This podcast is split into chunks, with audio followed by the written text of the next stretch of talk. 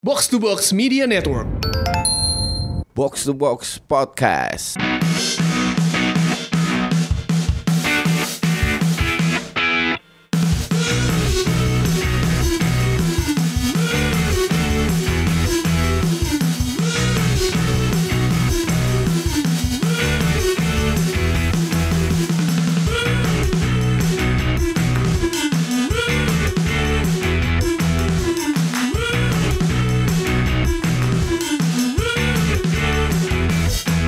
Selamat datang semuanya di Box to Box edisi Jumat. Dan hari ini saya ditemani oleh nobody. Jadi hari ini gue siaran sendiri. Eh, Tio masih di Bangkok katanya dan Pange lagi Indohoy di mana nggak ngerti gue. Jadi untuk eh, fans dan calon fans gue hari ini lu suka nggak suka dengerin gue eh, ngoceh sendiri kayak di YouTube ya. Tapi sekarang pertama kali ngoceh sendiri di podcast. Oke, hari ini kita bahas soal apa? Kita bahas soal beberapa jenis pelatih. Em, gua harus jelaskan dari awal ya. Em, banyak sekali miskomunikasi. Kalau pelatih jelek atau bagus oh ya dia lulusan mana lulusan mana. Ini kalau gue bilang kalau gue bilang ya em, berdasarkan pengalaman juga kalau lu ambil kursus pelatihan entah itu A B C atau D dan lu lulus mendapatkan ijazah bukan berarti lu pelatih. Itu hanya membuktikan bahwa lu pernah ikut pelatihan dan lulus dan mendapatkan sertifikat. Udah that's it. Oke. Jadi kalau lu punya persepsi bahwa pelatih harus punya sertifikat hebat, lu salah besar. Ya. Em, ya sama kayak orang punya SIM lah. Lu ambil SIM bukan berarti lu bisa nyetir kan. Lihat Verstappen umur 17 tahun sudah apa namanya? drivernya Toro Rosso di F1 Waktu itu dia belum punya SIM. Jadi jangan terlalu fokus terhadap eh, apa namanya eh, hanya sekedar sertifikat. Sertifikat itu hanya murni dasar, dasarnya dasar. Jadi lu kalau mau jadi pelatih hebat lu harus membangun sendiri. Kita lihat banyak contoh lah eh, perbandingan eh, antar pelatih yang pegang satu tim dua dua tim hasilnya sangat berbeda dengan pemain yang nyaris sama. Oke, ada gue akan memberi highlight kepada beberapa beberapa apa namanya faktor dari sisi strategi, dari sisi teknis terutama dan juga dari sisi non teknis beberapa jenis pelatih nggak hanya di di Inggris. Oke, mungkin gue bisa mulai dengan pelatih Itali. Gue pernah diskusi dengan temen dia bilang pelatih Inggris itu, oh sorry pelatih Italia itu em, secara taktikal sangat kuat. Gue bilang dia kasih contoh, lu lihat di Inggris pelatih Italia yang masuk akhir-akhir inilah 10 tahun terakhir itu juara semua. Bahkan seorang Di Matteo, Ranieri bisa buat Leicester juara, Eh, Conte, you, you, you name it lah, Mancini. Terus itu memang fakta, itu terbukti bahwa mereka mbak juara. Cuman kalau lu bicara soal soal pelatih dengan strategi atau tactical bagus, yang penting itu bukan hanya juara tapi stay on the top. Oke. Jadi pelatih kayak kayak Jurgen Klopp nggak juara, tapi dia sangat bagus dan orang yang nggak suka Liverpool pun harus mengakui bahwa Klopp itu memang pelatih hebat, walaupun nggak juara atau belum juara. Tapi kalau kita melihat kem- kembali lagi ke empat pelatih, lima pelatih Italia yang berkecimpung di Inggris yang menurut temen gue ini secara taktis bagus. Pertanyaan kedua gue adalah kalau mereka sehebat itu, kenapa musim berikutnya dipecat? Dan ini juga fakta. Dan ini terjadi di beberapa pelatih, hampir semua yang gue sebut tadi. Oke. Nah, faktanya ke- ke- kenapa? alasannya apa di belakang itu? Kalau gue bilang masalah di Matteo Ranieri juara itu ke- kebetulan banget, faktor lucknya itu gede banget, ya. Atau faktor shock efek secara psikologis. Tapi eh, lu tidak bisa hanya mengandalkan itu. Kita tahulah tidak hanya di Inggris banyak sekali pelatih yang sanggup menanganin klub kecil atau hanya survive atau promosi ke divisi utama tapi pada saat dia mendapatkan klub yang lebih besar gagal total. Apakah itu pelatih jelek? Enggak, belum tentu dia sudah terbukti membawa berapa tim promosi kok dan itu itu pasti ada di semua negara. Tapi mungkin jenis pelatih itu adalah pelatih yang yang yang mengandalkan psikologis. Oke. Ya lu boleh setuju nggak setuju. Ini ini pendapat gue dan banyak Ital pelatih Italia itu mengandalkan itu. Contoh Conte, Con- Conte di timnas Italia itu gue suka banget lihat mereka main. Padahal gue agak agak gimana gitu sama timnas Italia. Tapi timnas Italia bagus banget. Conte di tahun pertama di Chelsea luar biasa. Berapa match awal kalah dia rombak jadi 3-5-2 langsung berjalan sampai jadi juara. Tapi di musim berikutnya kenapa keteteran dengan pemain sama dengan strategi yang sama? Oke.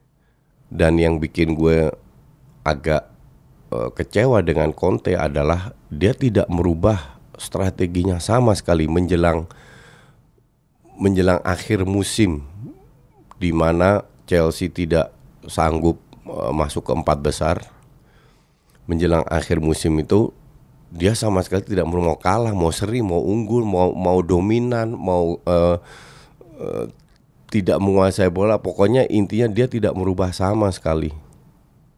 Nah ini untuk gue sekarang gue pertanyakan lagi, apakah pelatih gini disebut secara taktis hebat?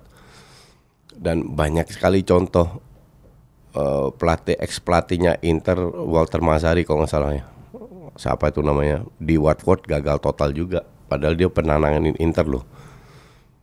Ya, jadi untuk gue pelatih Italia itu lebih mengandalkan eh, psikologis efek psikologisnya di mana mere- mereka datang dan tidak eh, apa namanya tidak begitu perform setelah itu karena konsistensinya tidak ada berdasarkan strategi. Untuk gue Mourinho paspor Portugal tapi dia itu tipikal pelatih Itali. Datang dengan shock effect praktis. Peaknya Mourinho itu kan hanya di di Inter.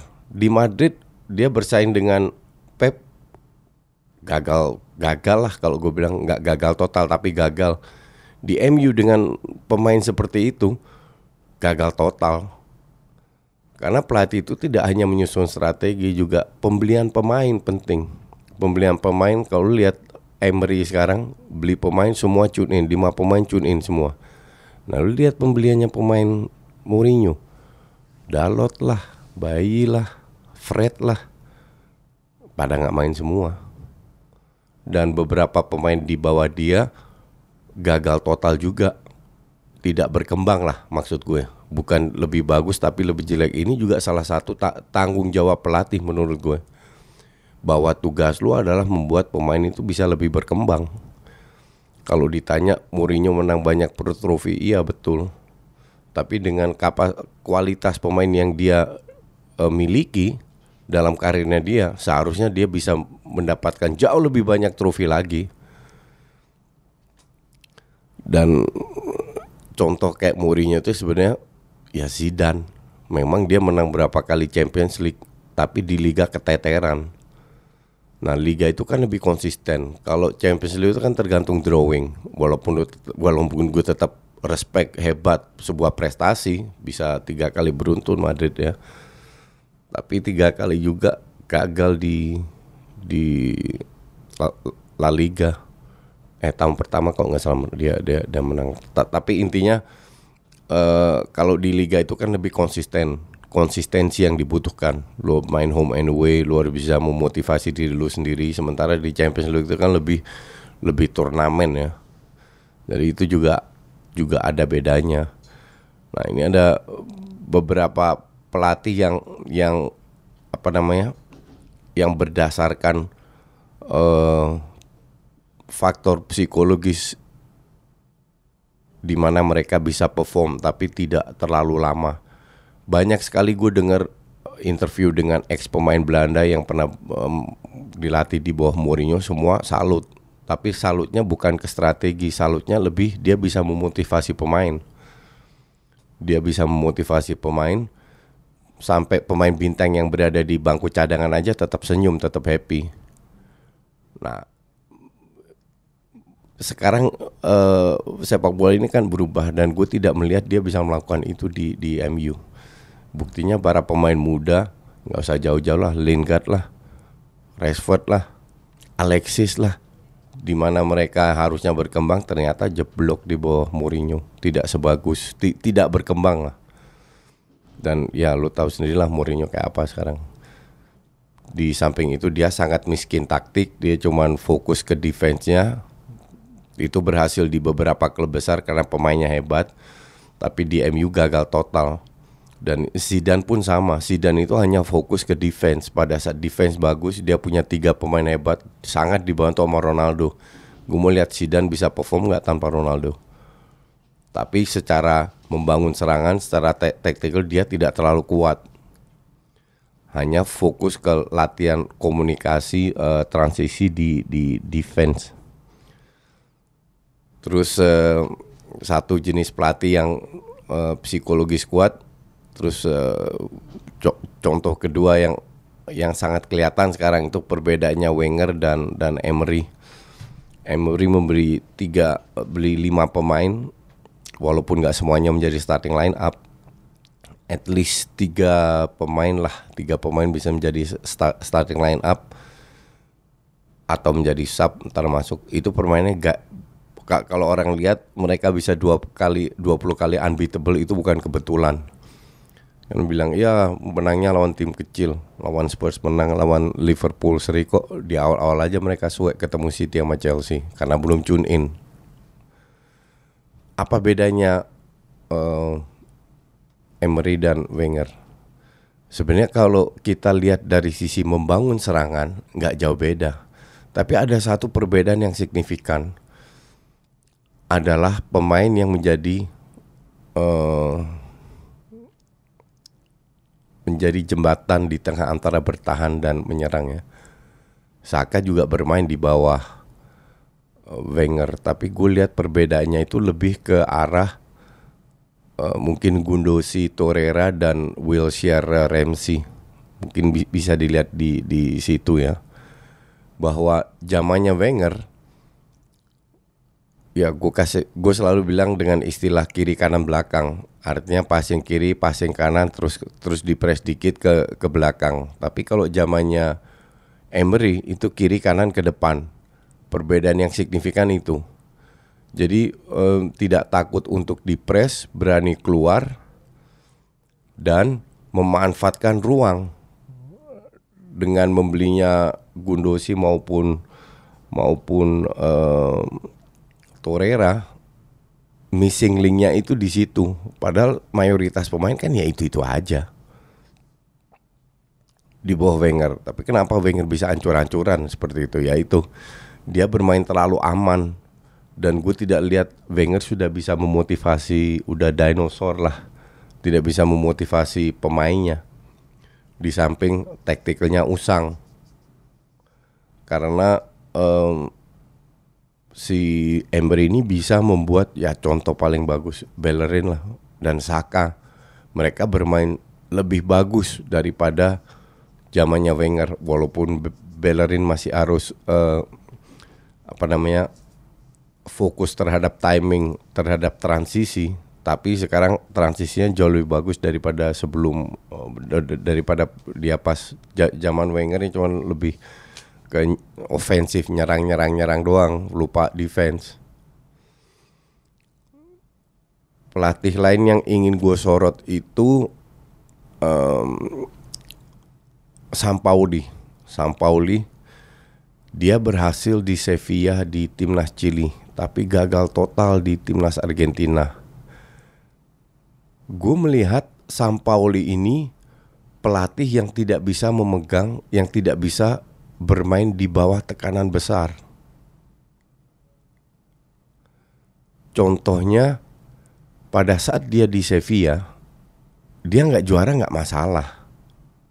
Kalau juara menangkan trofi itu bersyukur. Dan di timnas Chili pun demikian. Di Amerika Latin yang favorit kan selalu Argentina sama Brasil. Tapi kalau dia bisa juara walaupun itu lewat penalti, itu sudah luar biasa.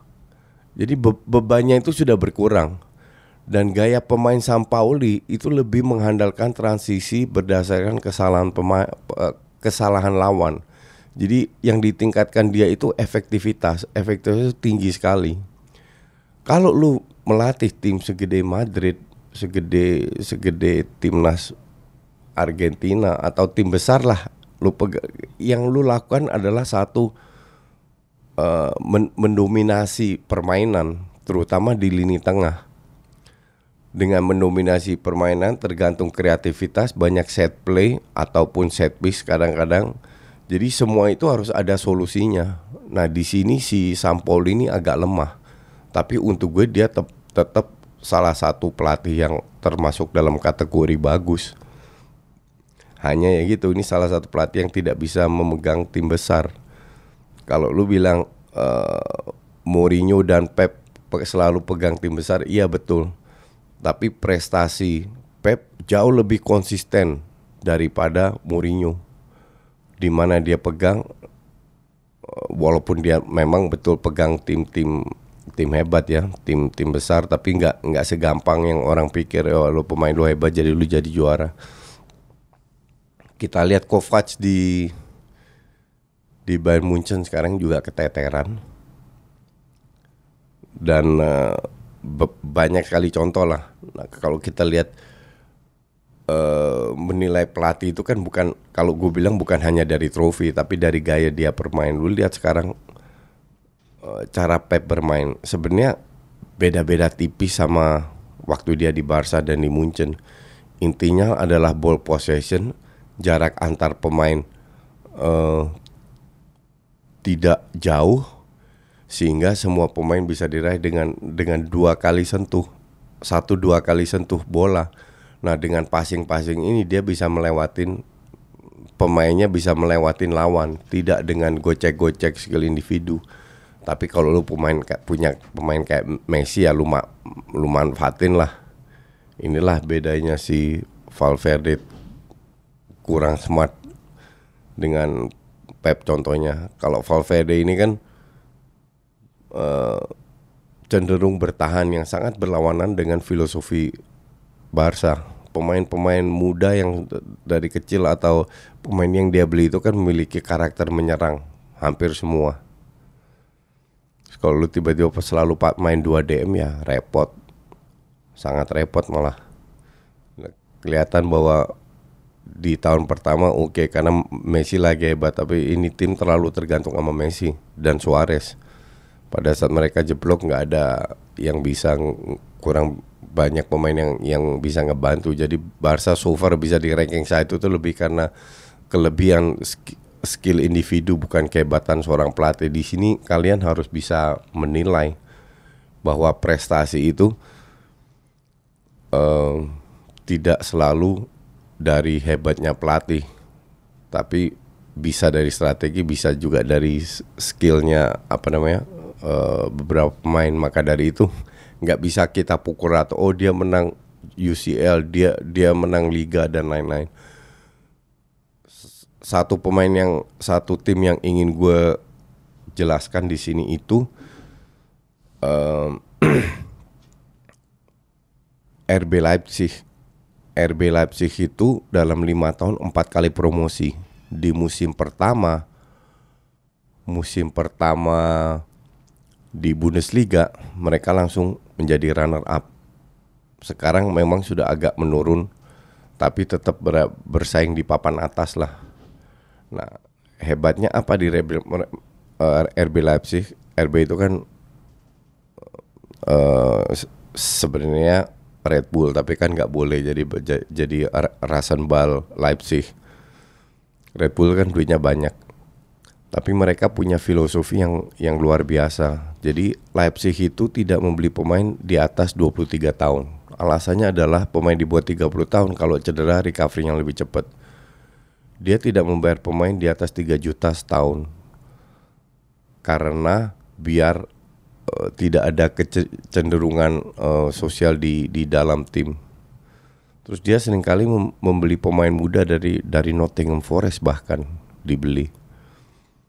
Dan kita tahu sekarang ada beberapa beberapa pemain itu ter, terjual. Tapi yang bikin gue amazed adalah mereka benar-benar apa namanya? Mereka memiliki filosofi adalah sepak bola itu permainan yang simple. 11 ke 11 lawan 11. Siapa yang cetak gol lebih banyak dia akan menang. Oke, okay, titik. That's it, titik. Dan yang mereka manfaatkan itu adalah space sepak bola itu kan bermain dengan ruangan.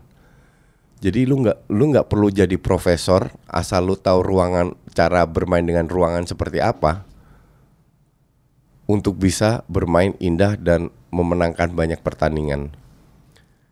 Apalagi kalau punya skill individu yang hebat. Tapi kasusnya Leipzig ini kan individunya siapa yang kenal itu?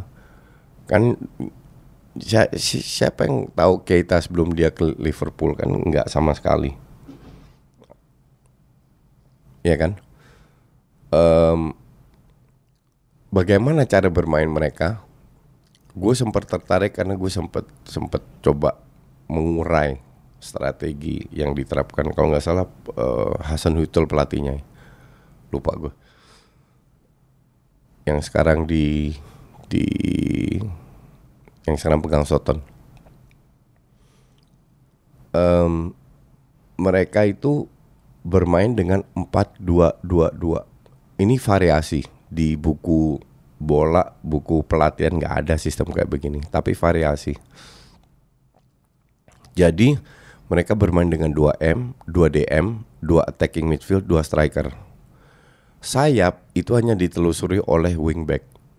Tapi beda dengan tim tim uh, besar lainnya di mana mereka lebih memanfaatkan wingback untuk melakukan serangan karena space-nya ada di sayap.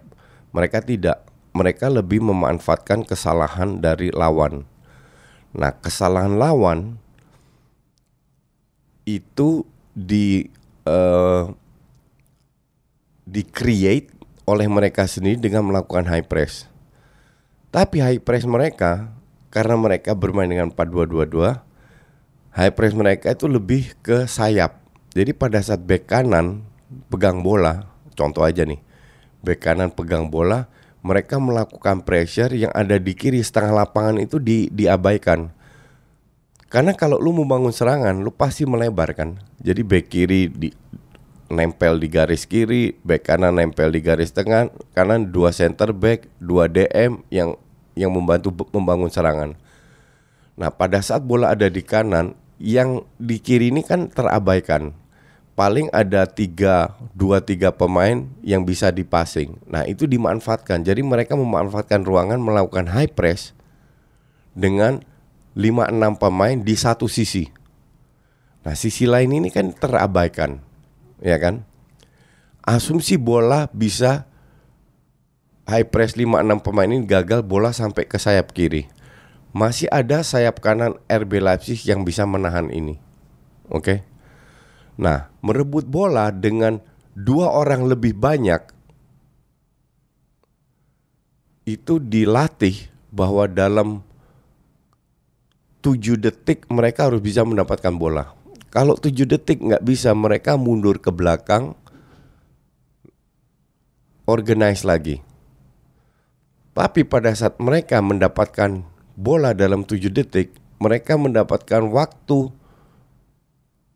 sekitar kalau nggak salah 10-11 detik untuk melakukan serangan balik untuk melakukan serangan balik dan harus ada shot on ta shots harus ada shot nggak harus on target sih tapi harus ada shot jadi harus ada finishing kalau nggak ada, mundur lagi, organize lagi, membangun serangan lagi. Itu bisa dari sayap, bisa dari tengah. Dan sistem ini di awal-awal itu sangat berhasil di Bundesliga dan Bundesliga itu levelnya itu top loh. Nah, pelatih-pelatih gini yang untuk gue, gue sih pribadi ya ini ini sangat subjektif lah, sangat suka di mana mereka uh, menemukan sesuatu yang belum di, dimanfaatkan. Seperti Conte di musim pertama dengan 352 kan banyak tim yang yang tidak mengerti cara mengatasi itu seperti apa. Justru inilah di sinilah kita bisa menilai pelatih apakah dia bagus atau tidak. Kalau gue ya bahwa pelatih bisa beradaptasi dengan tim lawan tapi juga bisa merubah strategi dengan uh, dengan pada saat dia tertinggal dengan situasi yang berbeda. Pada saat dia tertinggal pada saat dia unggul pada saat uh, apa namanya tim tidak begitu jalan pemain-pemain satu dua pemain bintang lagi ngedrop atau apa kan bisa namanya juga pemain. Salah satu khas yang Mourinho sering lakukan dulu di Madrid pada saat mereka ter, mereka bermain dengan satu uh, attacking midfield oke okay? nah kakak waktu itu cadangan tapi pada saat mereka ber, uh, tertinggal, Mourinho memasukkan Kakak bermain dengan dua attacking midfield dengan satu DM. Dan itu selalu dia lakukan pada saat tertinggal dan hampir selalu berhasil berhasil merubah sikon dari tertinggal jadi seri atau unggul. Seringkali juga unggul. Pada saat Kakak masuk di zaman-zamannya ter terakhir Mourinho kalau nggak salah. Pertanyaan gue sekarang kenapa lu nggak bermain dari awal dengan dua attacking midfield. Tapi itu memang karakter pelatih yang lebih cenderung fokus ke pertahanan. Valverde nggak nggak jauh beda. Dan pemain pelatih pelatih gitu nggak ke mana-mana kalau menurut gue. Karena kalau kita melihat dari ya, 10-20 tahun terakhir yang juara Liga dan juara Champions League 85% itu tim yang menyerang bukan tim yang bertahan. Itu fakta. Lo suka nggak suka lo nggak bisa ngeles ini um, beberapa co contoh pelatih lah. Leipzig udah gue bahas, Sampaoli, uh, Wenger, Emery, bahas apa lagi ya? Gue rasa cukup kali ya. Cukup pelatih Italia gue udah bahas. Cukup untuk sementara karena ini uh, special edition, pada nggak bisa semua. Jadi gue harus ngomong sendiri. Ya ini kira-kira setengah jam harusnya cukup lah. Oke, okay, thanks for listening. Um, kita ketemu di hari Selasa lagi. Semoga dengan full team. Ciao.